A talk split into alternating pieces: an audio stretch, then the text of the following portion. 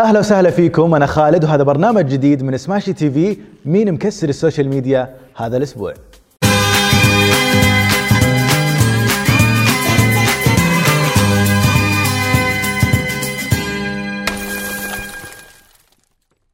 مذيعة MBC 3 أصالة كامل تستقيل من المجموعة بعد ظهور ثمان سنوات.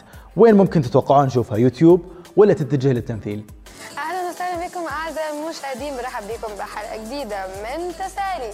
المؤثرة ومدونة الموضة اللبنانية كارين وازن تحقق حلم طفلها ليقابل فريق مانشستر سيتي.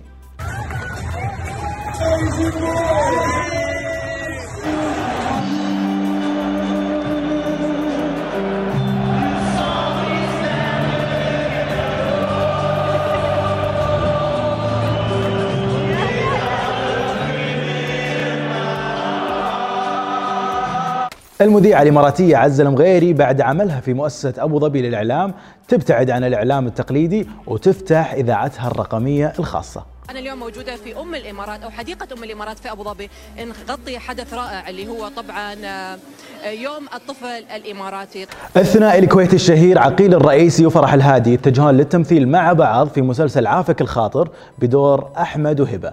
يلا أنا جاي اسمع أنا مظلومة بعمري ما خنتك. زواج من هبة ما راح يصير.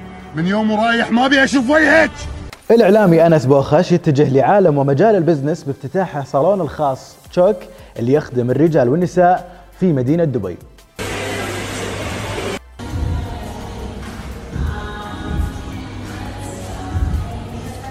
حساب الموديل الشهيرة كيندل جينر يختفي على تطبيق تيك توك بعد ما فتحته بأقل من 24 ساعة ولا أحد يعرف إذا هي حذفته أو تطبيق تيك توك نفسهم حذفوه. يذكر أن المقطع الوحيد اللي نزل على الحساب جاب أكثر من مليون مشاهدة خلال ساعتين.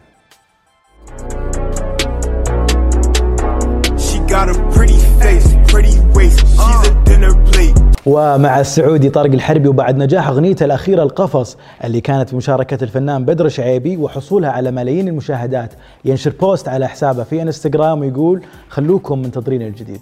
دخلت القفص يا عيال. وش اللي جابني الحلحال والله إني فحوسه كوشة وعروسه صار فيات ما جات على البال. ليش ورطتوني ليش حمستوني؟ وكنت عزابي شاري دماغي ماشي في دربي بسلام. وربي تمام الحال؟ لقيت اللي يكملني.